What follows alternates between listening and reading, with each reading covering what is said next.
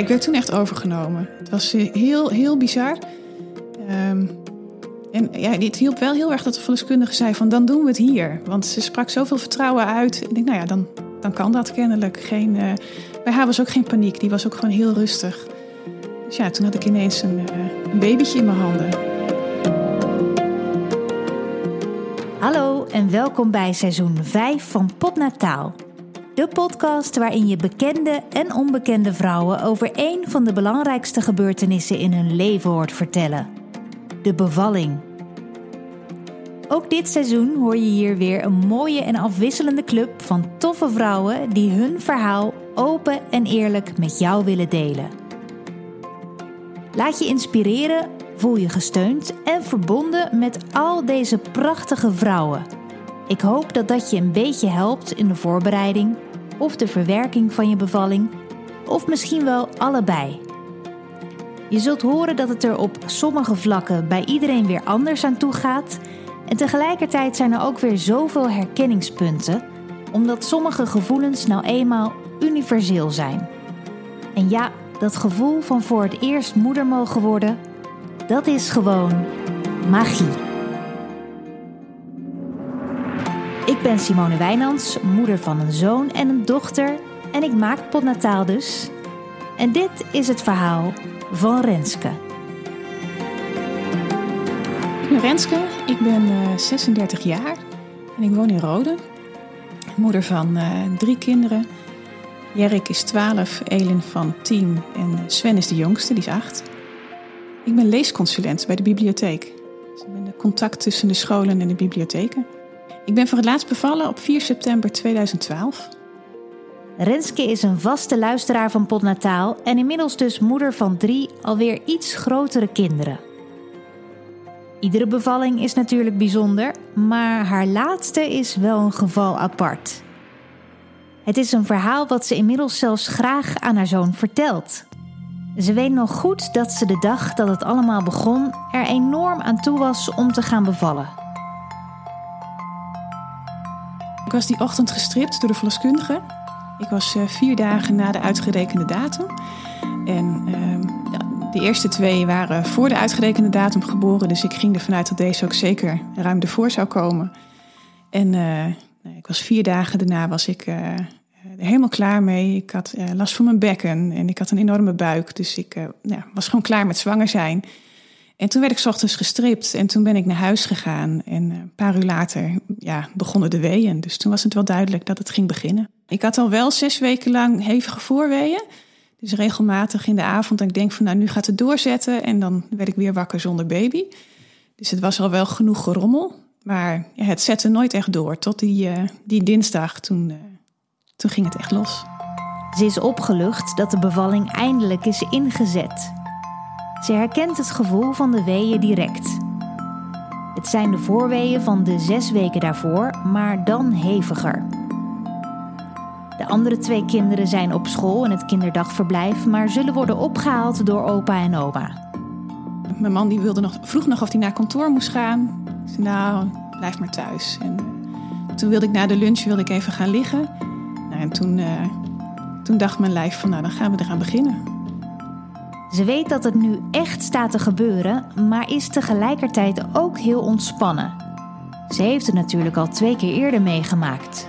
Het was ook omdat het de derde is, dan uh, heb je al een beetje ervaring en, en weet je wat je kan verwachten. Dus ik zat niet heel erg op de tijd, maar wel dat, dat ik merkte aan mijn lichaam van nou, nu is het serieus en uh, uh, nou, nu gaan we ergens, aan, ergens naartoe. En toen had ik ook nog heel erg de, nou ja, de hoop ik denk ook wel de gedachte dat het heel snel zou gaan. Ik had al twee goede bevallingen gehad. Ik denk, die, die, die derde doen we er gewoon even uh, achteraan. Die gaat vast heel vlot. En de, de andere bevallingen, waren die uh, thuis of in het ziekenhuis? Ja, die waren thuis. En toen woonden we nog uh, ergens anders, dichter bij het ziekenhuis. Dus toen was het idee van, nou ja, als ik thuis ga bevallen en het gaat toch niet goed... dan zijn we binnen vijf minuten in het ziekenhuis. En dat zijn gewoon twee hele prima thuisbevallingen geweest. En de derde keer woonden we wat verder van de stad af. Maar wel het idee van, nou ja, ik, eh, ik kan dit trucje. Dus dat doen we gewoon weer thuis. En uh, nou ja, mocht het nodig zijn, ben je in een kwartier ook in het ziekenhuis. Maar uh, dat was niet het, niet, het idee. Met twee keer een soepele thuisbevalling op haar naam voelt dit als een makkelijk te klare klus voor Renske. Desondanks heeft ze zich ook wel voorbereid op een mogelijk ander scenario. De vluchttas stond klaar en de maxicosi en het lijstje wat uh, telefoons, opladers, fototoestellen, dat soort dingen. Dat, dat lag allemaal wel klaar voor het geval dat. De weeën namen ook wel snel toe. Um, volgens mij hebben we om drie uur s middags de verloskundige al gebeld. Van nou, volgens mij zet het wel door. En ze kwam ook al vrij vlot. En dat uh, hielp mij ook wel een idee van dan komt die baby vast ook heel snel. Als de verloskundige ook al snel komt. En ehm, ja, toen uh, bleek ik nog maar twee of drie centimeter ontsluiting te hebben. Dat viel wel, wel tegen. En uh, ja, de weeën werden wel gauw heviger, dus de pijn werd erger. Nou dan denk je van, dan uh, gebeurt er ook wel echt wat. Maar dat viel in de, in de praktijk wel tegen. Hoewel ze hetzelfde gevoel ervaarde als bij haar vorige twee bevallingen, laat haar ontsluiting niet dezelfde vorderingen zien. Ja, het, het, stagneerde een beetje. Het was nou ja, een, twee uur later een centimeter verder. En, eh, maar de verloskundige bleef wel, want die had ook het idee van, nou ja, mevrouw krijgt haar derde kindje, dus het zal wel vlot kunnen gaan. En uh, uiteindelijk zijn om zes uur s middags uh, de vliezen gebroken. En toen had, zat ik nog maar op vijf centimeter. Waren ze gebroken door de verloskundige? Ja. ja. En uh, ja, toen kreeg ik wel veel meer pijn. Ook vooral tussen de weeën door. Dus de wee was al hevig, maar de tussendoor kreeg ik ook een hele stekende pijn in mijn buik. En uh, nou, toen zat ik een uur later nog maar een centimeter verder. Dus dan zat ik op zes centimeter. En het was qua pijn niet meer te doen. Dus ik wist niet meer uh, hoe ik moest liggen of staan of, of hangen. Uh, ik heb zelfs nog in bad gelegen. Maar ehm, ja, er gebeurde niks. Alleen maar meer pijn. Hoewel ze eerst nog hoop had dat het breken van de vliezen de boel sneller op gang zou helpen, verdwijnt die hoop daarna al snel. Toen dacht ik nog steeds van nou, dan, hè, dit is het setje en dan uh, heb ik zo meteen die baby in mijn handen. En uh, nou, toen een uur later de pijn dus heel hevig werd en ik maar één centimeter meer ontsluiting kreeg, toen uh, brak ik mentaal ook een beetje. Toen dacht ik, ja, dit hou ik niet meer vol. Als dit nog vier uur lang of nog langer gaat duren, dat, dat trek ik niet meer. En toen heb ik ook gezegd van ik wil nu naar het ziekenhuis. Ik wilde uh, die pijn niet meer voelen, een ruggenprik of uh, nou ja, wat dan ook. Ik uh, kon het niet meer zelf. Was dat een teleurstelling?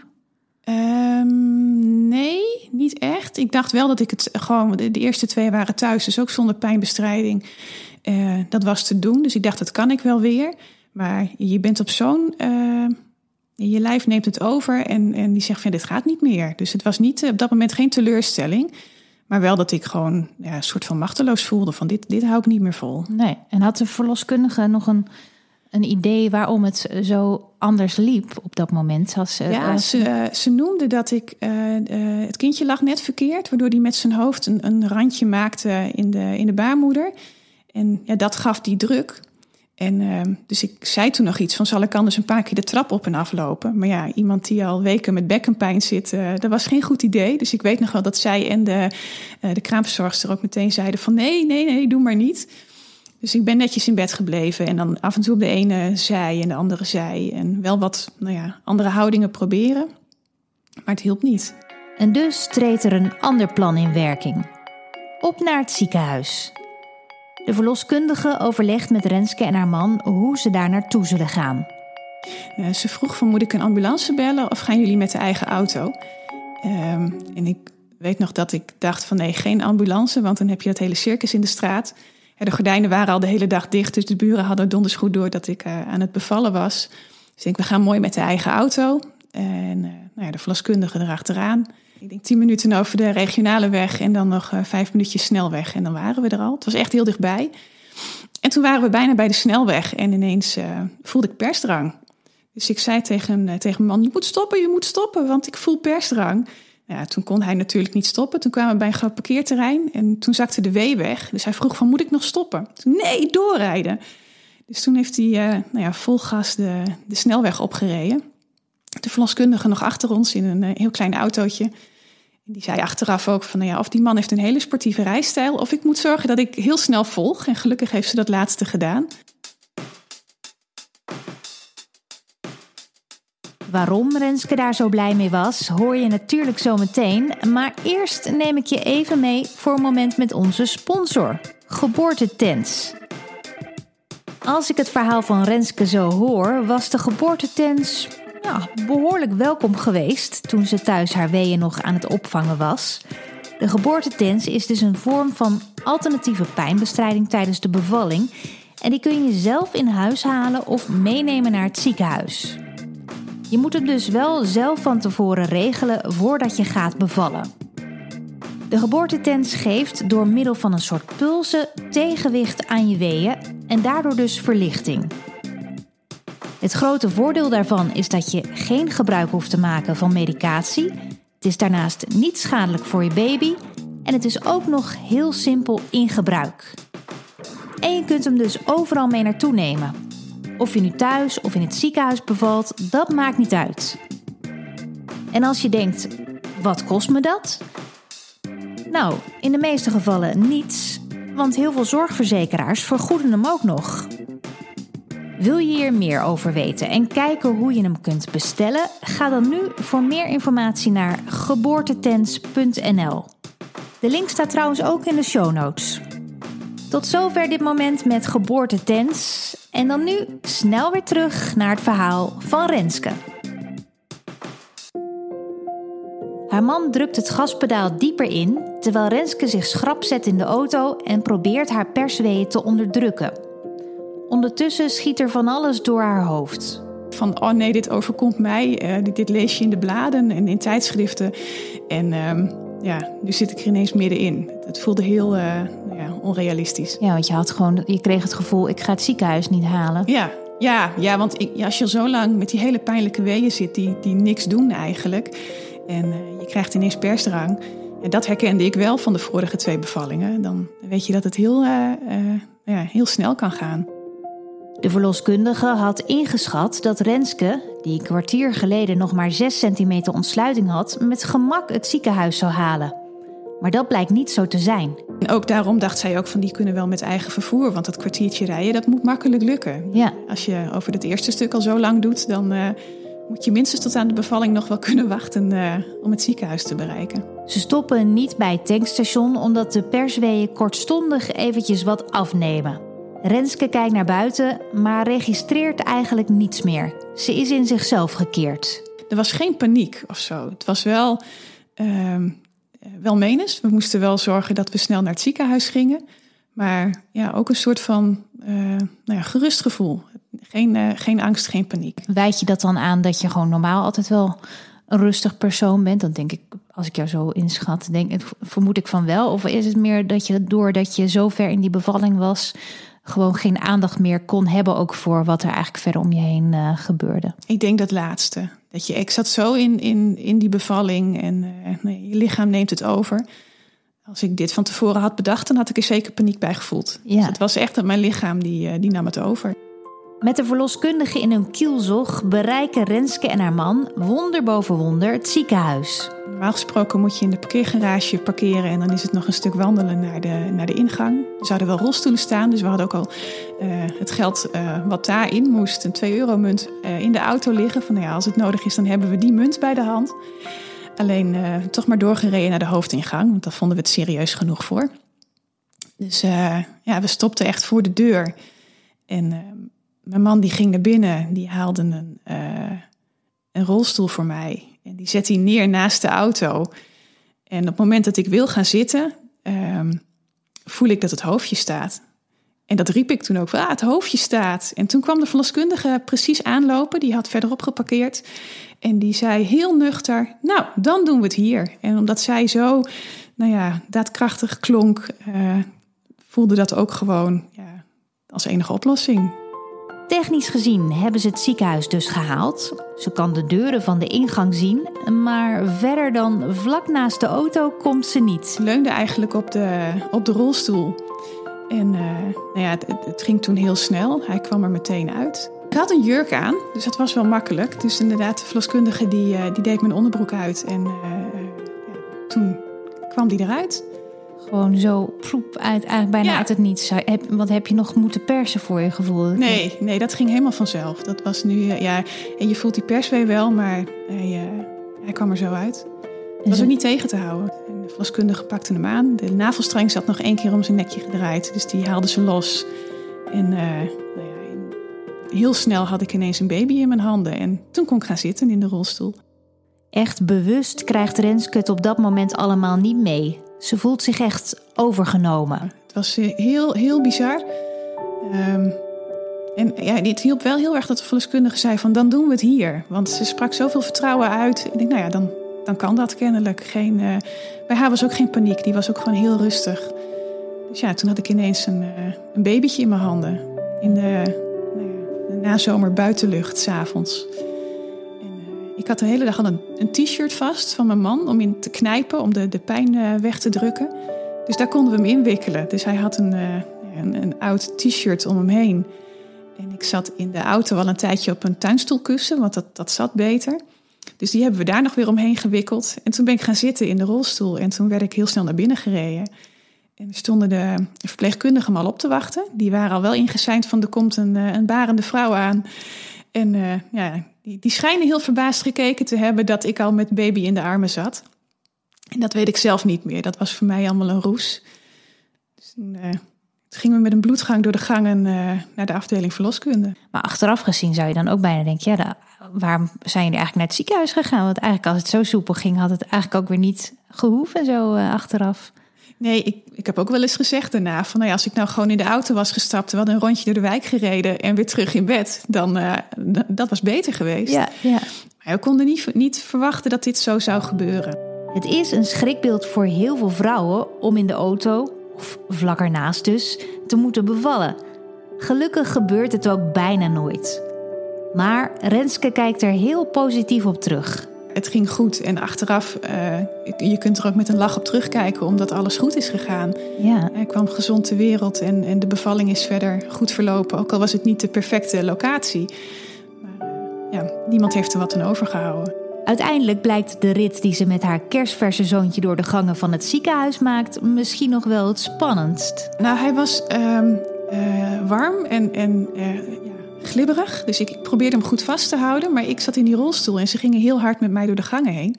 En um, ik hield hem vast, maar ik kon mezelf niet vasthouden aan de rolstoel. Dus ik had voor mijn gevoel, was ik bang dat ik eruit zou glijden. Maar ja, je zit gewoon, je zit goed erin. Dus dat was mijn, mijn angst van, oeh, straks vallen we eruit. In de verloskamer gaat ze op het bed liggen en dan komen alle emoties eruit. Ik had de baby in mijn handen en dat was eigenlijk het eerste moment dat we een beetje konden uh, beseffen wat er allemaal was gebeurd. Als ik op die foto's nu weer kijk, dan zie je nou ja, ons met z'n drieën in de hoofden bij elkaar. En uh, ik heb heel veel gehuild, maar echt van, van opluchting. En, hoe bizar het eigenlijk was gegaan. En toen kreeg ik weer een perswee. En toen dacht ik, krijgen we nou? Want ik heb die baby al. Maar het moest nog landen dat ook de, de nageboorte nog zou komen. En dat gebeurde gelukkig in de verloskamer. Dat gebeurde gelukkig in de verloskamer, ja. ja. ja. Dat ging ook eigenlijk gewoon heel soepel. Dat ging goed. En ze heeft uh, Sven toen aangekleed en gewogen en gemeten. En nou ja, al die dingen. En uh, ja, het was allemaal zonder bijzonderheden. Behalve de plek waar die ter wereld kwam. Ja. Dus we hadden ook een gezond kindje. En ik had, hij was zonder nare dingen bevallen. Dus ik mocht daarna nog even douchen. En toen konden we weer naar huis. Het is letterlijk ziekenhuis in, ziekenhuis uit dus. Na afloop heeft Renske nog besproken met de verloskundige hoe het toch kon dat ze opeens in zo korte tijd van 6 naar 10 centimeter ontsluiting kon gaan. Ja, waarschijnlijk lag hij net wat gedraaid in de buik. En uh, hij drukte met zijn hoofd uh, nou ja, op, op een randje, of er is een randje ontstaan door het drukken. En ja, dat veroorzaakt ook die pijn tussen de weeën door. En um, ja, dat, dat gaf de pijn, maar ook waardoor hij dus niet verder kwam. En waarschijnlijk door het bewegen, het naar de auto lopen en een andere houding aannemen, dat hij ja, een klein bewegingje heeft gemaakt waardoor het de goede kant op ging. En ja, hadden we achteraf gezien niet voor naar het ziekenhuis gehoeven, maar dat, dat kon niemand voorzien op dat moment. Voor het verhaal is het natuurlijk wel leuker dat jullie wel zijn gegaan. Zeker. uiteindelijk.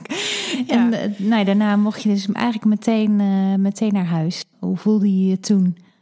Ja, een beetje vreemd. Het was allemaal uh, een beetje gek. Ook dat je in het ziekenhuis ineens bent en het gaat allemaal in zo'n roes. En dan land je weer een beetje op de wereld. En ehm, ja, toen was het klaar daar. Ik had ook niet willen blijven. Het was ook goed. Dus uh, nou ja, weer aangekleed en een baby in de maxicosi mee. En uh, toen konden we naar huis. We hadden al wel nog net voor... Uh, de, de verloskundige had nog de kraamhulp gebeld... dat die ons zou ontvangen thuis. En intussen waren mijn ouders en schoonouders ook naar ons huis gekomen... om nou ja, ons op te vangen. Dus toen kwamen we daar en nou ja, toen stond het wiegje al in de kamer... en hadden ze alles klaargezet voor dat we er binnen konden komen. Als ze ook de rust heeft gevonden haar pasgeboren zoontje goed te bewonderen, valt haar op hoe anders hij eruit ziet dan haar oudste twee kinderen. Toen onze dochter de tweede werd geboren, toen ik haar zag, dacht ik meteen: die heb ik al. Ze was echt een, een copy-paste van, uh, van onze eerste zoon. En de derde zag er heel anders uit. Hij was ook uh, ruim een kilo zwaarder dan de oudste. Dus dat ziet er al, dan is een baby al heel anders. En, uh, maar het was gewoon een, een ander kindje. Later ging hij heel erg op zijn broer lijken. Dus het is wel echt uh, een van ons. Maar bij de geboorte zag hij er echt anders uit. Omdat ze tijdens haar zwangerschap al zoveel last had van haar bekken, heeft Renske het advies gekregen in elk geval drie dagen boven in bed te blijven. Dus ik had daar echt een, een kokonnetje gemaakt. bezoek kwam ook boven en ik bleef alleen maar boven. Dus het was van, van bed naar de badkamer heen en weer. En, uh, en dat vond ik heerlijk. Gewoon uh, even op onze roze wolk zitten. En alles ging goed. En uh, het, het, herstel ging goed. En nou ja, ook in de weken daarna herstelde mijn lijf weer, uh, weer naar het oude. Al was het niet helemaal de locatie die ze voor ogen had bij haar bevalling, toch voelt het voor Renske wel als een droombevalling. Ze had het ook niet anders gewild. Nee, ja, ik, ik had heel erg de verwachting, en ik weet niet of het reëel was, dat die derde, uh, dat ik die wel even uit de mouw zou schudden. Van nou, dat, dat kunnen we wel. Ik heb het trucje twee keer gedaan en die derde gaat ook wel lukken. En uh, dat vertrouwen straalde ik denk ik ook wel uit naar de verloskundige. Die dacht van nou, deze mevrouw die kan het wel en, en die uh, vertrouwt op haar eigen lijf. En um, nou ja, dat ik daarin een beetje gefopt ben uh, door mezelf. Het viel heel erg tegen. en die pijn werd zo hevig dat ik denk van ja, dit, dit trek ik toch niet zelf. En ja, ik kan nu achteraf zeggen van ja, had ik maar even wat, wat rondgewandeld in huis of maar ja, dat kon je niet bedenken. Dat als ik dat had gedaan, dat ik thuis had kunnen bevallen. Dus in, ik had het niet anders gedaan als ik het opnieuw kon doen. Ze herstelt goed en ook haar zoon doet het allemaal volgens het boekje. En het gaat vandaag de dag ook heel goed met hem. Hij kan ook, uh, als het op school een gesprekje is over waar ben je geboren, dan noemt iedereen de woonplaats. En hij noemt uh, op de parkeerplaats voor het ziekenhuis. Dus dat vindt hij ook wel heel erg leuk. En uh, ik had hem gevraagd, want hij is al acht, van goh, vind je het ook goed als ik het verhaal ga vertellen in een podcast? Nou, dat vond hij hartstikke leuk. Dus de, ja, het is gewoon een gezonde, leuke jongen. Je hoorde het verhaal van Renske. Volgende week weer een potnataaljournaal en daarna weer een nieuw geboorteverhaal. Mocht je dat nog niet gedaan hebben, abonneer jezelf dan nu op deze podcast in je podcast-app, want dan kun je nooit meer een aflevering missen. Natuurlijk is Potnataal ook op Instagram te vinden. Ga daarvoor naar @potnataal. Daar deel ik alleen maar dingen rondom de podcast, zwangerschap en geboorte.